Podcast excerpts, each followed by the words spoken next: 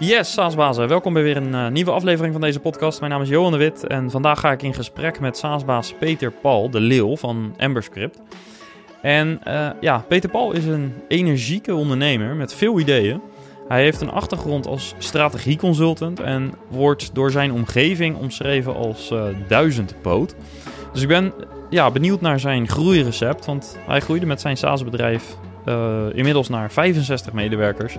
Hij heeft Series E opgehaald en uh, vandaag deelt hij uh, de lessen die hij ja, onderweg opdeed. En voordat we daar naartoe gaan, een dankwoordje aan onze sponsor Leadinfo. Want vraag jij je wel eens af welke bedrijven jouw website bezoeken? Leadinfo laat het zien in een overzichtelijk dashboard. Um, en als trouwe luisteraar heb je deze boodschap ongetwijfeld al vaker gehoord. En wat ik leuk vind is uh, dat steeds meer ja, SaaS-bedrijven ook uh, met Leadinfo gaan starten.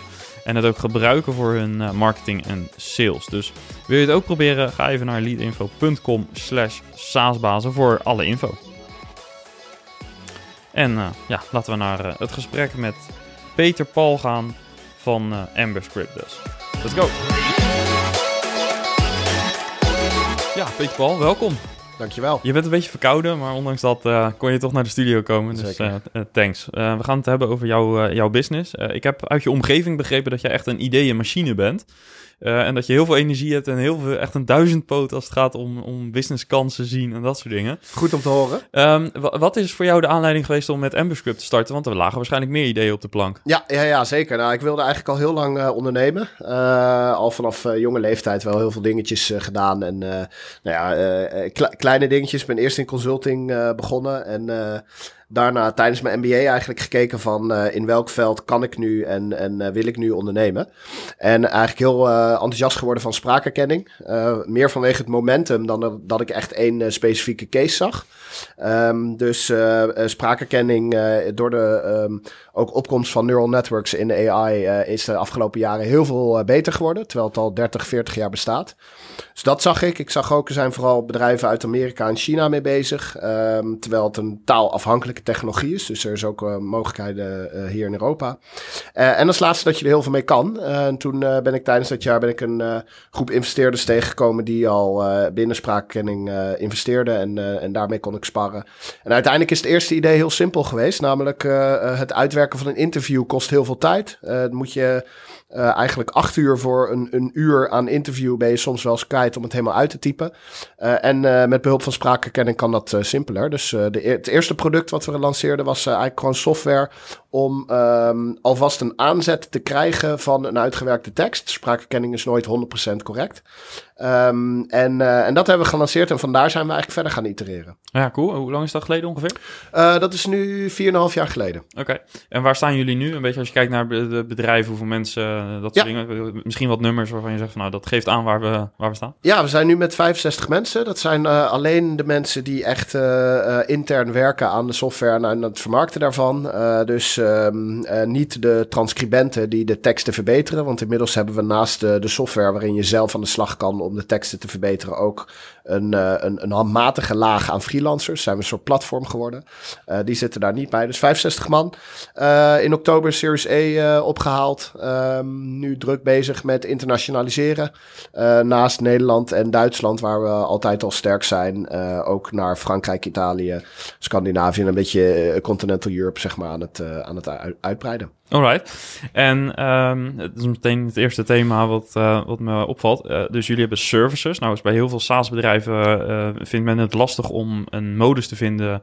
En ja, hoe gaan we services aanbieden? Gaan we dat doen? want vaak ook nou, is een podcastgast geweest die zei: het is een beetje de cocaïne van een, service, van een productbusiness, hè, service. Uh, dus het is, is heel lastig om weer vanaf te komen op het moment dat je dat eenmaal bent gestart. Ja. Hoe, hoe heeft jullie beslist traject daaruit gezien naar die services toe? En, en hoe zijn jullie uh, bij freelancers uitgekomen? Ja.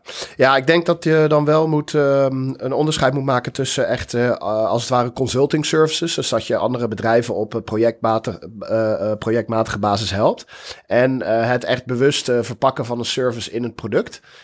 en dat laatste hebben wij ervoor gekozen. Dus we hebben nooit echt een service model gehad als we in een consulting of een software development voor customized projecten. Ehm, maar wij zagen heel duidelijk dat nou ja, eigenlijk voor bepaalde klanten de software heel bruikbaar was. dus inmiddels is het naast interviews ook zeg maar transcripten voor het, voor het uitwerken van interviews is het ook heel veel gericht op ondertitels wat we doen.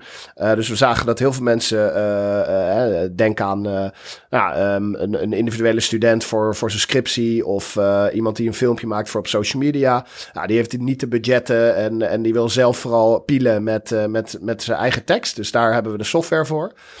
maar er zijn heel veel grote bedrijven juist en de grotere klanten die hebben geen zin om dat zelf meer uit te werken. Dus die willen gewoon 100% correcte tekst in één keer. Ja. en dat, dat zagen wij en daar hebben we eigenlijk op ingespeeld. Ehm, dus voor ons was het een hele duidelijke verlenging van wat we al deden. Een hele logische om eerst mee te experimenteren. En vanaf moment één uh, ook ingezet. Meer zou ik het willen noemen als platform dan als service. Dus wij, wij connecten eigenlijk de freelancers die de teksten verbeteren met de klant. Um, um, zo moet je het eigenlijk zien. En, en, niet zozeer dat wij dan met onze eigen mensen die service bieden. Ja, en hoe, hoe hebben jullie dat besluit genomen? Hebben jullie bijvoorbeeld in het begin wel uh, mensen zelf transcripties laten maken uit jouw eigen team? Of heb je meteen gekozen freelancers gaan dit doen? Ja, nou, ik heb ze in het begin uh, zelf ook veel gedaan. Dus, okay. uh, Zoals een founder dat gewoon doet. inderdaad, inderdaad. Dat zeg ik ook altijd nu nog. Als mensen een bepaalde functie komen als nieuwe rol, dan zeg ik altijd, ja, nou, ik heb eigenlijk alle functies die iedereen hier heeft, heb ik wel ooit gedaan, gedaan natuurlijk. Ja. Logischerwijs. Um, maar nee, voor ons was het juist uh, echt ook in de, in de fases van uh, product market fit vinden. Hè? Uh, dus ik denk zo het eerste jaar hebben we gewoon van allerlei dingen geprobeerd. En als we zagen van er komt ergens heel veel tractie op. Nou, dan moet je ook ondernemend genoeg zijn om dat gewoon te gaan doen. En als het dan niet werkt, dan kan je het altijd nog stoppen. en daar heb je ook zeker nog niet echt um, de processen en de, en de software voor nodig. Dus dat hebben we heel juist niet schaalbaar gedaan in het begin. Dus lekker via e-mail, lekker zelf uittypen. En dan op een gegeven moment als het gaat groeien, dan ga je dat natuurlijk een beetje faciliteren. Maar het is heel belangrijk, denk ik, om in het begin, het eerste jaar, juist zoveel mogelijk dingen aan te pakken en maar te gaan doen. En, en juist op een niet schaalbare manier. Ja. Uh, dat is een goed advies voor SaaS-bazen die uh, product market fit proberen te vinden. Waaronder ik zelf. maar goed, dat terzijde. Um, je zei al even achtergrond als strategieconsultant. Wat heb je daarvan meegenomen wat nu super bruikbaar is? Ja, ik denk ehm, vind ik heel lastig om echt uh, hele individuele dingen uh, te pinpointen. Uh, het is toch een soort van meer mindset of een soort van denkwijze. in plaats van, nou, ik heb echt concreet A, B en C geleerd. Maar ik denk wel dat ik uh, uh, van nature strategisch en analytisch kijk naar wat we aan het doen zijn. Uh, dus echt kijk naar van waar komt de waarde vandaan, waar zitten nog de kansen op grotere schaal. In, in, plaats van me echt over de kleine details te, te ontfermen. Ja, is dat ook die mindset die je bedoelt? Dus meer het grote plaatje zien in plaats van hyperfocus op een microdetails. Precies, precies. ik, ik, denk dat dat wel geholpen heeft. Um, nou ja, en daarnaast uh, eigenlijk uh, simpelweg als er beslissingen worden genomen, dat ik wel goed weet hoe ik, hoe ik de juiste beslissing neem en de juiste informatie moet verzamelen om, om daar strategisch naar te kijken. Ja. En wat is het grote verschil tussen strategie consultant en founder? Uh, nou, de strategieconsultant uh, die uh, denkt heel veel na en doet wat minder. En een founder die denkt eventjes na, maar moet vooral heel veel doen. Ja. zeker in het begin. Ehm, nu is dat echt wel aan het shiften in, in mijn rol, merk ik. maar... Um, Um, ja, uh, als strategieconsultant um, uh, was ik niet bezig met het, met het bouwen van iets. Hè? Dus dan geef je echt alleen advies. En wat er daarna mee gebeurt, dat weet je eigenlijk niet. En, en, en, en soms krijg je dat natuurlijk wel mee en blijf je betrokken. Maar, maar, maar het blijft bij advies. En, en een founder die, die moet vooral doen. En dan kom je er toch ook achter dat de waarheid toch weer barstiger is dan wat je in een rapport schrijft van tevoren ja, vaak. Ja, ja. Zou je nu een betere consultant zijn? Uh, Wat zou je nu dat werk weer doen? Nou, ik zou wel een stuk ongeduldigere consultant zijn. Want ik zou het wel heel snel ook, omdat ik nu de waarde zie van het echt effectief uh, um, in gang brengen van een project. En, en, het, en, en, wat je daar dan allemaal tegenkomt. ik zou het advies niet meer genoeg vinden, denk ik. Nee. Hoe heb je die eerste meters, laten we zeggen het eerste jaar ervaren als founder.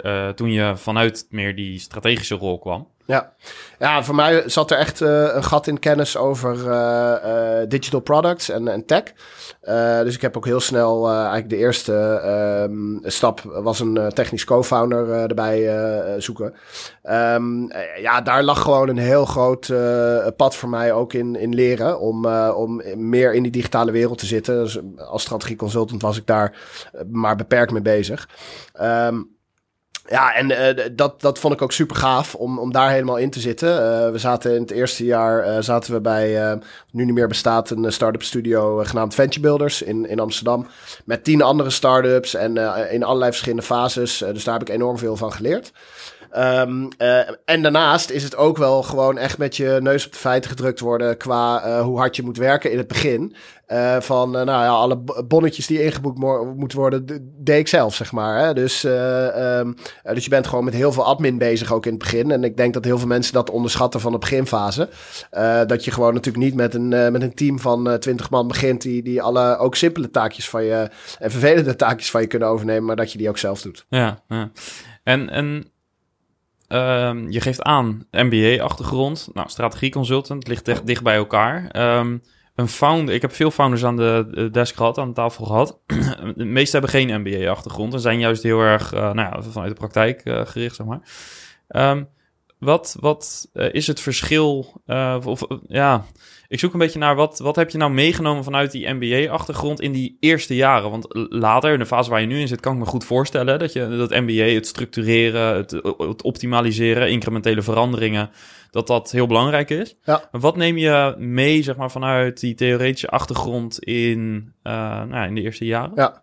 Ja, ik denk misschien het, uh, de, de reis die we hebben gemaakt richting uh, een bepaalde markt. En dan is het, heb ik het over een product. Dus we zijn echt begonnen als SaaS software voor het maken van transcripten. Wat we nog steeds voor een groot deel doen. Maar een, een veel, veel grotere groei zit bij ons nu in eigenlijk de service van ondertitels. Dus mensen kunnen bij ons op een veel makkelijkere, snellere en, en eenvoudigere manier dan vroeger ondertitels bestellen. Die gewoon 100% correct zijn. Um, ja, die reis naar dat product, dat is um, maar deels, denk ik, uh, echt uh, opportunistisch geweest. Dat is ook heel erg geweest rondom de strategie en de markt. En, en waar spelen we nou eigenlijk en waar is onze technologie goed in? Ja, dat zijn wel wat meer uh, consulting-achtige of MBA-achtige trajecten. Waarin ik heel erg vanuit die businesskant bekijk van welke markt zitten we. En, en, en ook qua landen bijvoorbeeld, waar moeten we wel naartoe en waar moeten we niet naartoe. Um, dat dat wel zijn invloed heeft gehad. Um, en dat ik daarna denk ik ook wel, hè, ik zeg ook altijd wel van, uh, ook in de huidige rol van, uh, uh, ik weet van alles net niks, zeg maar. Dus, dus ik ben overal mee bezig, ik heb overal wel mening over, maar ik ben geen specialist. Ja, en dat is ook die achtergrond. Dus dat betekent wel dat ik in die reis daar naartoe al, wanneer je heel veel verschillende petten op hebt, en nu nog steeds, ene keer zit je met HR, andere keer met marketing, andere keer met sales, dat je, dat je daar al wel een, een goed beeld van hebt. En dat ik niet nu ook nog uh, een founder ben die alleen maar heel specialistisch wil werken ook op één gebied en daar ook goed in is, maar uh, een beetje van alles doet. Ja, precies. Dus je bent niet echt bang dat je een soort blind spot hebt. Je, je hebt over elke discipline heb je wel nagedacht of heb je zelfs uh, ingewerkt. Ja, inderdaad. Ja, inderdaad. Ja.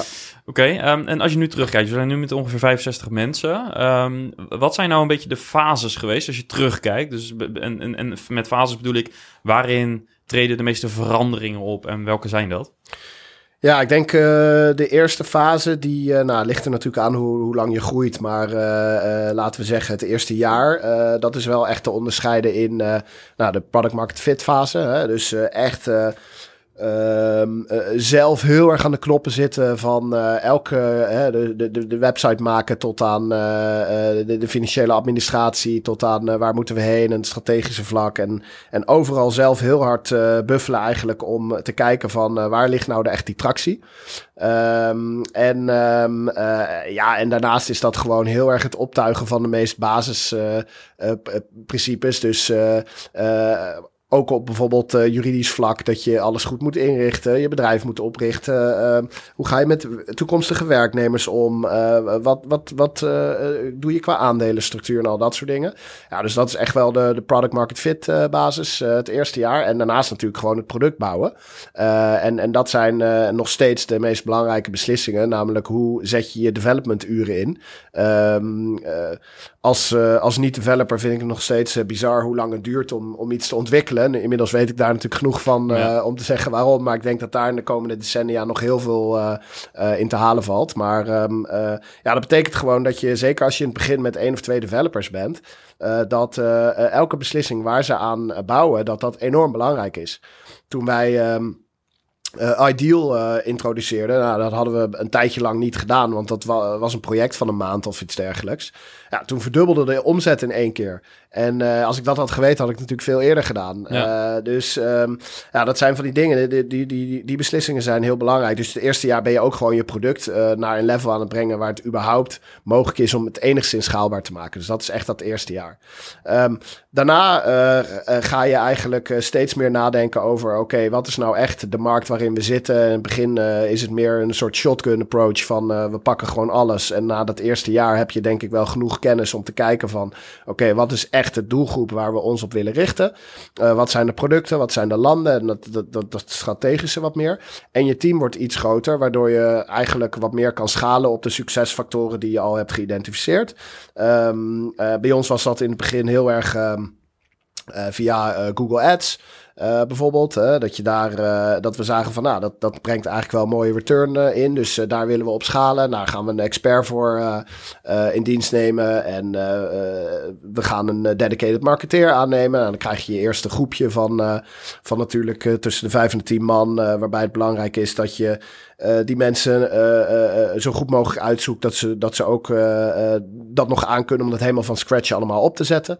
Um, en dat is denk ik de, de, de fase daarna waarin het ja, echt nog heel erg bouwen is aan, aan, aan, aan hele duidelijke zaken. Alles was heel erg duidelijk toen. Want het is gewoon oké, okay, dit werkt, dit weten we nog niet, maar we weten wel dat dit werkt en we hebben maar beperkte resources, dus we gaan dat gewoon kaart schalen. Ja. en daarnaast dus begon het strategische wat meer te spelen over welke, welke klanten klanten focus je op in welke landen.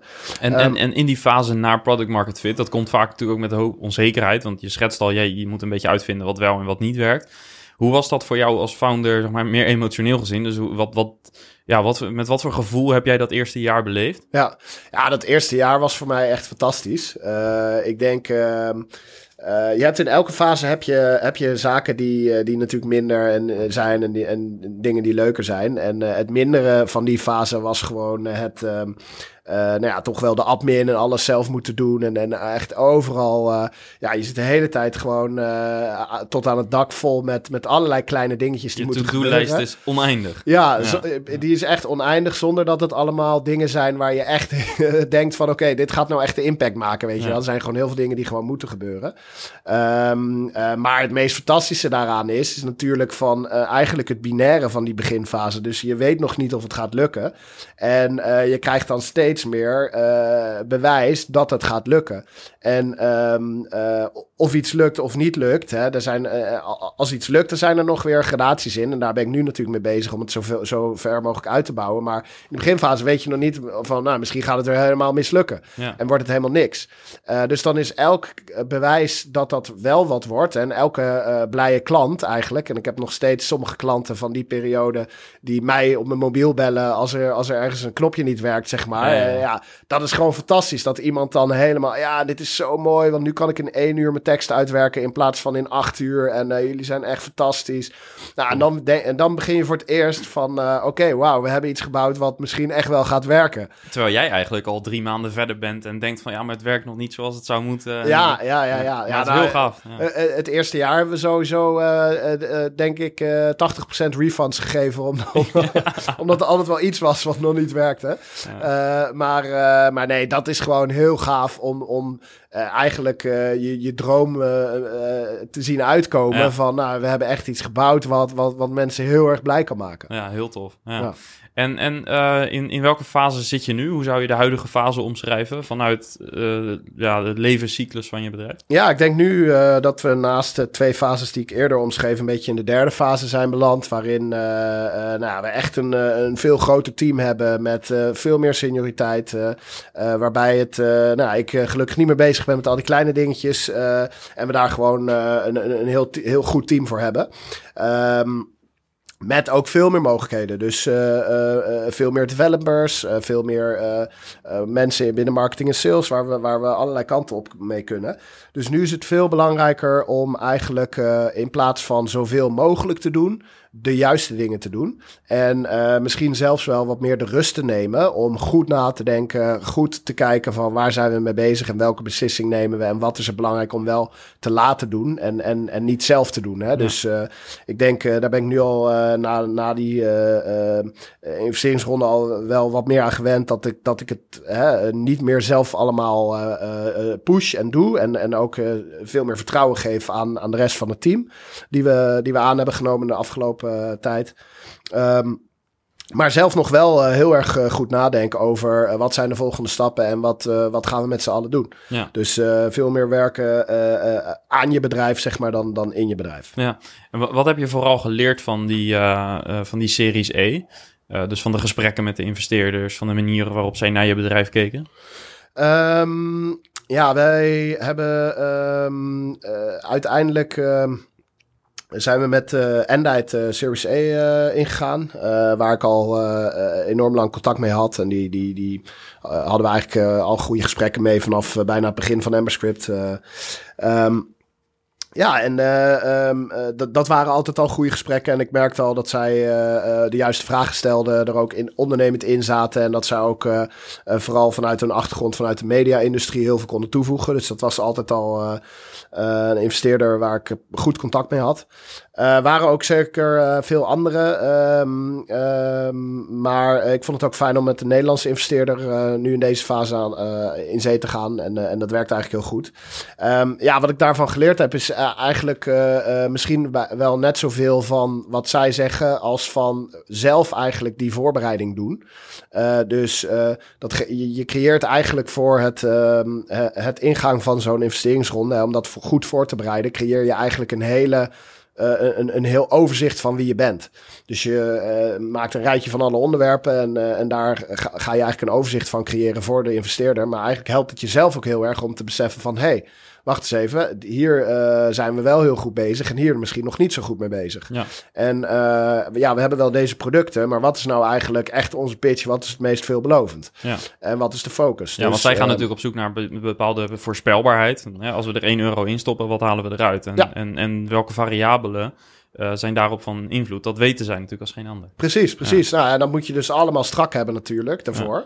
Ja. Uh, en, uh, en dat helpt gigantisch om dat, om dat zelf, dat overzicht te creëren van je hele, hele bedrijf. Een soort snapshot. Ja. In plaats van er zo middenin te zitten. dus dat was misschien wel even nuttig als, als het gesprek met hen. Ja, dat is ongeveer een jaar geleden hè, nu. Ja, oktober ja. vorig jaar. Ja, precies. Ja. Oké. Okay. Um, en en uh, hoe heeft jouw uh, reis eruit gezien aan, aan zeg maar, het neerzetten van een managementteam? Dus uh, je begint als founder, dus snel een technische co-founder erbij. op welk moment ben je meer een MT gaan bouwen en hoe heb je dat gedaan? Ja, we hadden denk ik dat wel ook al echt als doel na de Series E. Dus uh, wij als founders uh, hebben al vroeg tegen elkaar gezegd van... nou, wij moeten niet... Uh, ja, wij, wij, wij moeten hier ook als aandeelhouder in staan. En we moeten niet door, door ons eigen ehm, uh, wensen moeten we niet uh, zeg maar het bedrijf uh, tegen laten houden of iets dergelijks. Dus we moeten gewoon mensen om ons heen zoeken die ook in heel veel vlakken beter zijn dan wij. en, en die het bedrijf naar de volgende fase kunnen, kunnen leiden. Dus zo hebben we er echt inge, inge, ingestaan eigenlijk vanaf het begin. Nou, toen zijn we gewoon op zoek gegaan naar hele goede mensen na de Series A. Met natuurlijk het verhaal van de Series A, met de groei. kan dat ook. En je hebt dan natuurlijk ook wat financiële middelen om dat, om dat te doen. Um, uh, dus zo hebben we eigenlijk gewoon gekeken van bij, op welke vlakken, op welke key positions willen we uh, goede mensen en zijn we die gaan recruiten. Ja, en, en wat voor profiel had je voornamelijk nodig? had je een, echt een operator nodig, zeg maar een COO of wat, ja, welke keuzes heb je daarin gemaakt? Nou, eigenlijk across the board. Dus zowel commercieel, marketing, sales, CRO, compagnon die ik heb aangehaakt. Um, um, ook uh, operationeel. Uh, dus bij ons is de operations afdeling belangrijk, omdat die uh, alle transcribenten en ondertitelaars managt, zeg maar. maar ook financieel bijvoorbeeld. Dus financieel daarvoor deed ik alles zelf. En, en um, nu hebben we een CFO die, die daar de scepters rijdt. Ja. En, en wat zou je voor jezelf uh, omschrijven als de grootste verandering, echt voor jouw eigen positie, uh, sinds uh, het, ja, het aanstellen van het MT, het ophalen van de funding en dat soort zaken? Ja, nou ja, dat is dus veel meer focus op het nemen van de juiste beslissingen in plaats van. en wat, wat ook steeds belangrijker is, hè, omdat het over veel meer resources gaat en je hebt veel meer keuzes ook die je kan maken. Dus uh, het maken van de juiste beslissingen is nu veel belangrijker dan het uitvoeren op een goede manier van een beslissing. Want dat doet uh, de rest van de organisatie. Um, dus het ligt veel minder op het uh, uitvoeren van de acties, maar meer, veel meer op het bedenken van de acties. En daar heb je dus veel meer rust voor nodig, veel meer um, Um, ja, nou, het verzamelen van kennis ben ik sowieso altijd wel heel erg van geweest. Ik ben altijd alles aan het luisteren en alles aan het lezen. Uh, maar dat kan ik nu nog meer inzetten, denk ik. Ja. Um, um, en, en, ja, en, en zorgen dat je het hele speelveld goed overziet. Uh, dat je uh, vooral ook de juiste mensen uh, aanstelt. Hè? Dat, je, dat je goed ziet van waar liggen de gaten qua capabilities die we hebben in de organisatie, qua mensen. en, en, en hoe lossen we dat op? Um, dus nog wel heel dicht bij de organisatie blijven en dicht bij de mensen blijven. Om goed te begrijpen wat gebeurt er en zijn dat de juiste dingen. Maar tegelijkertijd ook juist een heel goed beeld te creëren voor jezelf van wat er moet gebeuren. En, uh, en, en daar uh, dan die kennisoverdracht te doen. Ja. Hoe, wat doe jij om die rust te creëren voor jezelf? Nou, het gaat enigszins vanzelf, omdat dus heel veel taken nu de, al, al, al van nature, zeg maar, uh, door anderen worden opgepakt. Dus dat is heel fijn. Um, en voor mezelf, ja, ik ben iemand die uh, eigenlijk altijd wel heel druk in de weer is. Maar uh, tussen de bedrijven door ook ehm, heel veel dingen opslaat en, en altijd wel aan het nadenken is. Dus als ik hier naartoe rijd, dan, dan komen er allerlei ideeën naar boven. En degene die mij het meest mailt, ben ik zelf. Uh, omdat ik dan ergens sta en uh, nou, ik ben eigenlijk constant wel over Amberscript ook aan het denken, moet ik eerlijk zeggen. Ja. En dan, uh, en dan rij ik op de weg hier naartoe, rij ik hierheen en dan zie ik iets van, hé, hey, wacht, dat is, dat is mooi, dat moeten we ook doen. Nou, dan e-mail ik mezelf en dan, en dan zo, zo heb ik gewoon vijf, of, vijf e-mailtjes per dag van mezelf over nieuwe ideeën en nieuwe dingen. Wat was je laatste e-mail aan jezelf? Poeh, dan zou ik even moeten kijken, maar... Nou, laten we het, laten eens doen. ja, zou ik eens ja, kijken? laten we doen. oh, benieuwd. Dat is wel een mooi mechanisme. En ik denk ook inderdaad, jij spreekt natuurlijk veel founders. En uh, voor heel veel founders geldt dat juist dat soort momenten... Uh, kijk, je kunt niet zomaar even een paar dagen afscheid nemen van de business. Maar je kunt wel af en toe inderdaad even een uurtje reistijd pakken om... ja, op dit soort ideeën te komen. Precies, precies, zeker weten. Uh, nou, hier heb ik er bijvoorbeeld eentje. Dus uh, we zijn nu aan het uitbreiden in Italië. En uh, um, ik sprak iemand en die zei van, nou ja, in Italië, nou, achteraf best wel logisch, maar, maar dat zijn toch maar dingen die je dan moet ho horen. Dus van een andere um, snel groeiende scale-up had ik de head of internationalization gesproken. dus die benader ik dan gewoon via LinkedIn. Iedereen is altijd heel erg bereid bereidwillig om te helpen. Dus nou, doe ik altijd gewoon. En die uh, vertelde van de verschillen via landen. van, van verschillende landen. En de go-to-market in verschillende landen. En dat in Italië, waar we nu iemand voor aan het aannemen zijn om daar sales te doen. Um, dat face-to-face heel belangrijk is. Dus dat we daar eerder moeten overwegen om iemand uh, remote te doen. Dan, uh, dan misschien hier in Amsterdam neer te zetten. Dus uh, dat mailtje was in Italië, in Milaan iemand aannemen? Vraagteken. Oké. Okay. ja. Twee tekenwezen hier. Neem de tijd voor jezelf om. of drie jaar. Ik neem voldoende tijd op dit soort momenten. Uh, de tweede is, uh, benader gewoon mensen die jouw uh, challenge ook hebben... of die misschien al een stukje verder zijn. En drie, neem in Italië zoveel mogelijk lokale ja, mensen aan. Oké, okay, mooi. Nou, dat is een mooi, dat is een mooi brugje naar internationalisatie. Wilden we het ook even over hebben. Ja. Um, uh, je zei vooraf tegen mij, ja, in het begin waren we, hadden we een hele agressieve internationale ambitie. Um, en ja, we zijn nu eigenlijk een beetje aan het heroverwegen hoe we dat precies moeten gaan vormgeven. Ja. Kun je ons een beetje meenemen in wat jullie eerst dan deden en waar jullie tegenaan liepen? Ja, nou, we hebben nog steeds een hele agressieve internationale ambitie. Alleen zijn iets meer ehm, met de neus op de feiten gedrukt hoe snel dat kan gaan. Okay. zo zou ik het denk ik omschrijven. dus we zijn, ehm, mijn twee co-founders, Timo en Thomas, die zijn alle twee Duits.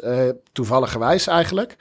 Um, maar uh, dat betekende dat we eigenlijk vanaf moment nul, of nou ik moet zeggen na misschien een paar uh, maanden dat we uh, live zijn gegaan, dat we ook al gelijk Duitsland um, um, als markt hebben gehad. Duitsland is onze grootste markt nu ook. Um, en um, dat, in Nederland groeiden we eigenlijk heel goed vanaf het moment 1 al. En in Duitsland uh, ging dat ook al uh, heel behoorlijk net iets minder snel, maar uh, die groei was eigenlijk redelijk vergelijkbaar met Nederland. Toen dachten we van, nou, dat hele internationaliseren, dat is hartstikke makkelijk. Uh, namelijk, je vertaalt gewoon de website, je gaat Google Ads, ga je live in, in Duitsland. nou, we hebben gewoon mensen die, die, die Duits kunnen en, en, de klanten te woord kunnen spreken. Dus nou, dat gaat allemaal prima. Dus toen zijn we elf landen opgegaan en hebben we de website vertaald in elf landen en dachten we van, nou, perfect. Hoe heb je die landen gekozen? Um, ja, eigenlijk meer vanuit uh, strategische exercitie. Dus dat was wat meer dan uh, strategie consulting-achtige uh, exercitie dan, dan weer eigenlijk. waarbij we keken naar bepaalde variabelen. Dus ehm, natuurlijk de grootte van het land. maar ook um, hoe wel bereid zijn mensen om SaaS te kopen. hoe wat is de ease of doing business? Zo eigenlijk vijf à tien variabelen uitgekozen en daar een ranking van gemaakt. En um, nou, toen uh, zijn we gelanceerd en uh, dachten we van uh, nu is het wachten en dan komt de groei. Maar dat ging eigenlijk heel veel langzamer dan, dan Duitsland en dan Nederland. En uh, dat kwam eigenlijk omdat we wel vertaald hebben, maar ook niet echt in super goede kwaliteit. Dus het uh, vertalingsvak hebben we echt heel erg uh, onderschat. Kan je natuurlijk ook zelf niet controleren omdat je die taal niet spreekt. Maar ik denk van onze Franse websites hebben er wel vijf mensen naar gekeken. van verschillende niveaus ook hoor. Maar ehm, en er komen nu nog steeds fouten uit als mensen er weer een keer naar kijken, zeg maar. Dus, dus vertalen hebben we heel erg onderschat en ook het echt lokaliseren. Dus uh, in, in bepaalde landen vinden ze kunstmatige intelligentie uh, hartstikke eng en moet je dat helemaal niet op je website zetten. en, um, en, en bepaalde woorden en bepaalde termen zijn ook weer heel anders. Als je dat letterlijk gaat vertalen, dat lukt dan niet. Dus dat hebben we wel echt onderschat. Um, nu zijn we dus veel meer gaan zeggen van oké, we gaan focussen op vijf gebieden. En daar gaan we dan ook echt veel professioneler. Dus met een lokaal telefoonnummer, lokaal e-mailadres, uh, hele goede vertalingen, uh, lokalisering zelf, een, een, foto van het team uh, van de mensen die we in dienst hebben, die daar uit die, uit die landen komen. zo gaan we echt heel erg lokaliseren. En nou ja, dan zie je dat dat wel komt.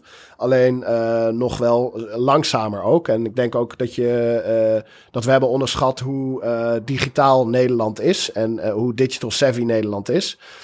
en dat hier iedereen, nou, het eerste wat je doet als je iets moet hebben, is even snel naar Google. Ja. Terwijl um, dat in andere landen echt veel minder is. Ja. Dus het is ook Zelfs niet, in onze buurlanden al. Precies, ja, precies. Ja. Zelfs in Duitsland al uh, is er gewoon een heel grotere populatie die uh, nog niet meteen op Google iets opzoekt of, of überhaupt met software veel minder uh, goed is dan, dan dat wij dat zijn. Ja. Um, dus vandaar. Ja, en dan heb je natuurlijk uh, ook andere landen waarbij het uh, überhaupt meer concurrentie is, lastiger is. Dus je moet ook qua conversion rates in bepaalde landen zitten, zitten echt wel verschillen. Dus het is niet alleen het vertalen, maar ook conversion rate optimization die je per land eigenlijk het liefst wil, wil inzetten.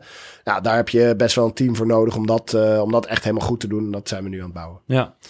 Interessant. En wat is nu op dit moment het land naast Nederland en Duitsland waar je het meest van verwacht of waar je al het meeste tractie ziet? Uh, Frankrijk is het derde land voor ons. Okay. Uh, dat gaat eigenlijk heel erg goed. Um, en, uh, en vooral ook op ondertitels gaat, dat, gaat het hard. Dus okay. misschien goed ook om daarbij te vermelden. We zijn vooral marketing gefocust geweest tot nu toe. En zijn nu echt een outbound kanaal aan het opzetten pas. Uh, wat natuurlijk een andere soort dynamiek is, maar dat slaat in Frankrijk heel goed aan. Ja, en hoe ziet jullie out outbound aanpak eruit? Is dat, hebben jullie SDR's, nee, account executives? Uh, ja, hoe, ja. Hebben jullie dat gedaan? We hebben SDR's en uh, sales directors. Dus de SDR's die um, boeken de meetings, zeg maar, voor de sales directors die dan de meetings doen en de deals closen. En doen jullie dat ook van, vanuit lokaal of doe je zeg maar dat initiatief wel hier vanuit Nederland? Ja, dat hebben we lang over um, nagedacht en, en veel mensen over gesproken maar daar kwam eigenlijk uit van ja, de een doet het zo en de ander doet het uh, weer, weer anders, zeg maar. Dus er is niet echt een, uh, een, een, juiste manier in. Dus wij hebben uh, gekozen ervoor om dat te experimenteren. En eigenlijk te zeggen van ja, weet je, we, we, merken wel zeker na COVID en ook in onze business, het is niet 100% nodig in alle landen, nou, misschien dan behalve Italië, om, dat gaan we zien, om, om echt langs te gaan. Dus dan willen we liever mensen op ons hoofdkantoor in, in Amsterdam. Uh, zodat uh, die cultuur gewaarborgd blijft en, en we daar gewoon veel mee kunnen spreken en kunnen sparren. dus dat is wel de main approach geweest. Dus de mensen die de outbound sequences doen voor Frankrijk, Duitsland, die, die zitten gewoon in Amsterdam. Um, maar ja, we hebben ook wel gekeken van oké, okay, we willen ook de andere approach wat, wat proberen. Dus voor Scandinavië zit iemand in Stockholm bijvoorbeeld. Uh, nou, dat gaat eigenlijk ook best wel uh, behoorlijk. Dus er is misschien ook niet echt een, uh, een, golden bullet. Nee. Um, dus we, we kijken een beetje per regio hoe we dat willen doen. Ja, en dus vooral experimenteren. Ja, ja. inderdaad. Oké. Okay. Um, in die hele transitie van nou, product market fit vinden tot voorbij Series E. Um, hebben jullie op een gegeven moment ook een bepaald een management systeem of zo geïmplementeerd? of uh, scaling up hoor je vaak of uh, iOS. Ja. Uh, hebben, hebben jullie van dat soort dingen of, of hebben jullie zelf een bepaalde methodiek ja. omarmd? Nee, we hebben met scaling up gewerkt, dus Rockefeller Habits. we hebben eigenlijk gewoon het boek gepakt en dat hoofdstuk voor hoofdstuk doorgeakkerd en, en dat gewoon gedaan. Uh, vind ik echt een topboek uh, voor die fase. Dat je gewoon uh, een handleiding hebt van, nou, hier moet je aan denken. En dat, dat hebben we gedaan. En, en, en dat hebben we elk kwartaal hebben we gewoon één hoofdstuk gedaan. Um, en, en na een jaar heb je, dan, heb je je organisatie echt op een hoger niveau. Dus dat is super goed ge geweest voor ons. Um, en daarnaast uh, de OKR's. Dus um, dat wordt in dat boek, vind ik, uh, wat minder besproken. Daar hebben ze het wel even over en refereren ze wel naar Measure What Matters. Het boek over de OKR's. Maar dat hebben we echt wel als net zo belangrijk project eigenlijk aangepakt om dat te implementeren in dezelfde ja. fase. Oké. Okay. Ja. Gebruiken jullie nog een bepaalde tooling om de OKR's te delen? Of, of? Nee, daar hebben we ook wat rondgezocht. Maar uiteindelijk komen we dan toch weer terug op, op Google Sheets. Ja, en we gebruiken veel Coda. Oké. Okay, um, ja. Ja. oké, check. Alright. Um, ja, uh, ik begreep uh, uh, ook in het voorgesprek en ook van de mensen die ik om jou heen sprak, dat je naast business ook nog best wel actief bent met sport. hoe belangrijk is sport voor je?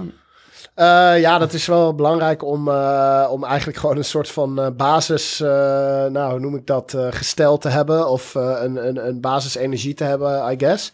Um, dus als ik niet sport, dan word ik ongelukkig. en, en voel ik me gewoon niet goed. Dus, dus dat is altijd wel belangrijk. Ik heb vroeger heel veel gewaterpolo'd.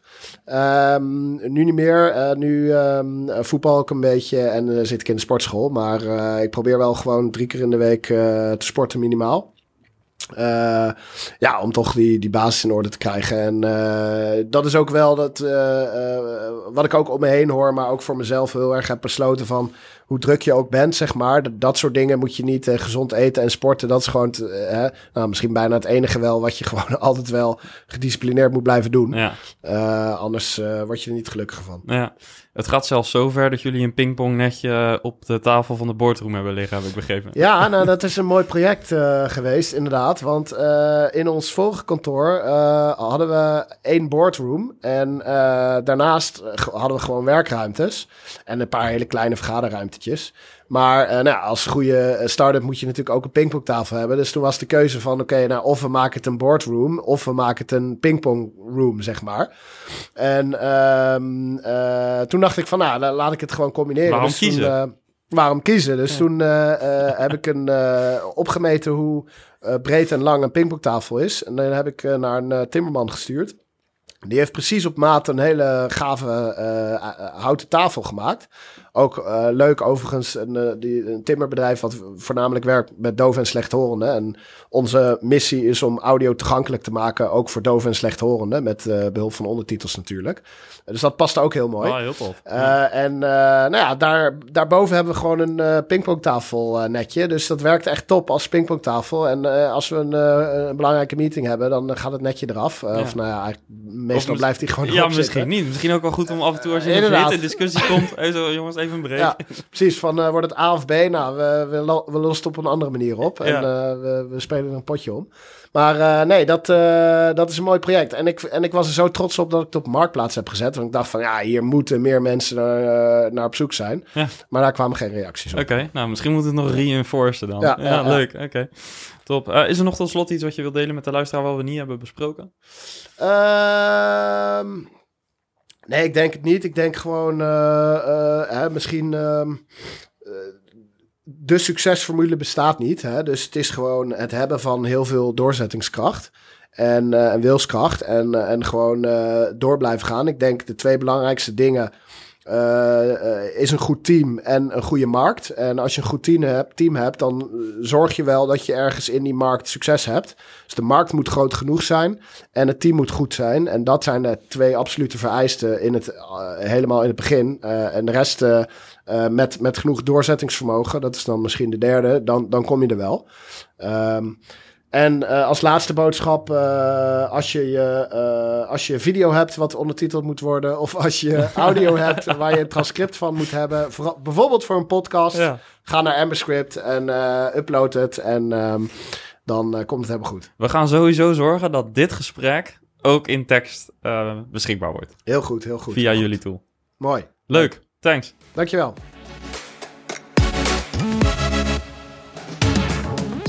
Ja, en dat was uh, heel leerzaam. Ik heb zelf veel notities gemaakt uh, tijdens dit gesprek. Dus ik hoop dat jij dat uh, ook hebt kunnen doen. Ja, en is deze podcast voor jou waardevol? Was deze aflevering waardevol? En wil je meer horen? Abonneer je dan op deze podcast. En word ook lid van Saasbazen als je een Saasbaas bent. Sluit je lidmaatschap af via saasbazen.nl. We verwelkomen je natuurlijk graag binnen onze community. En je krijgt daar uiteraard ook een aantal voordelen voor terug. Voor nu, tot volgende week. Ciao.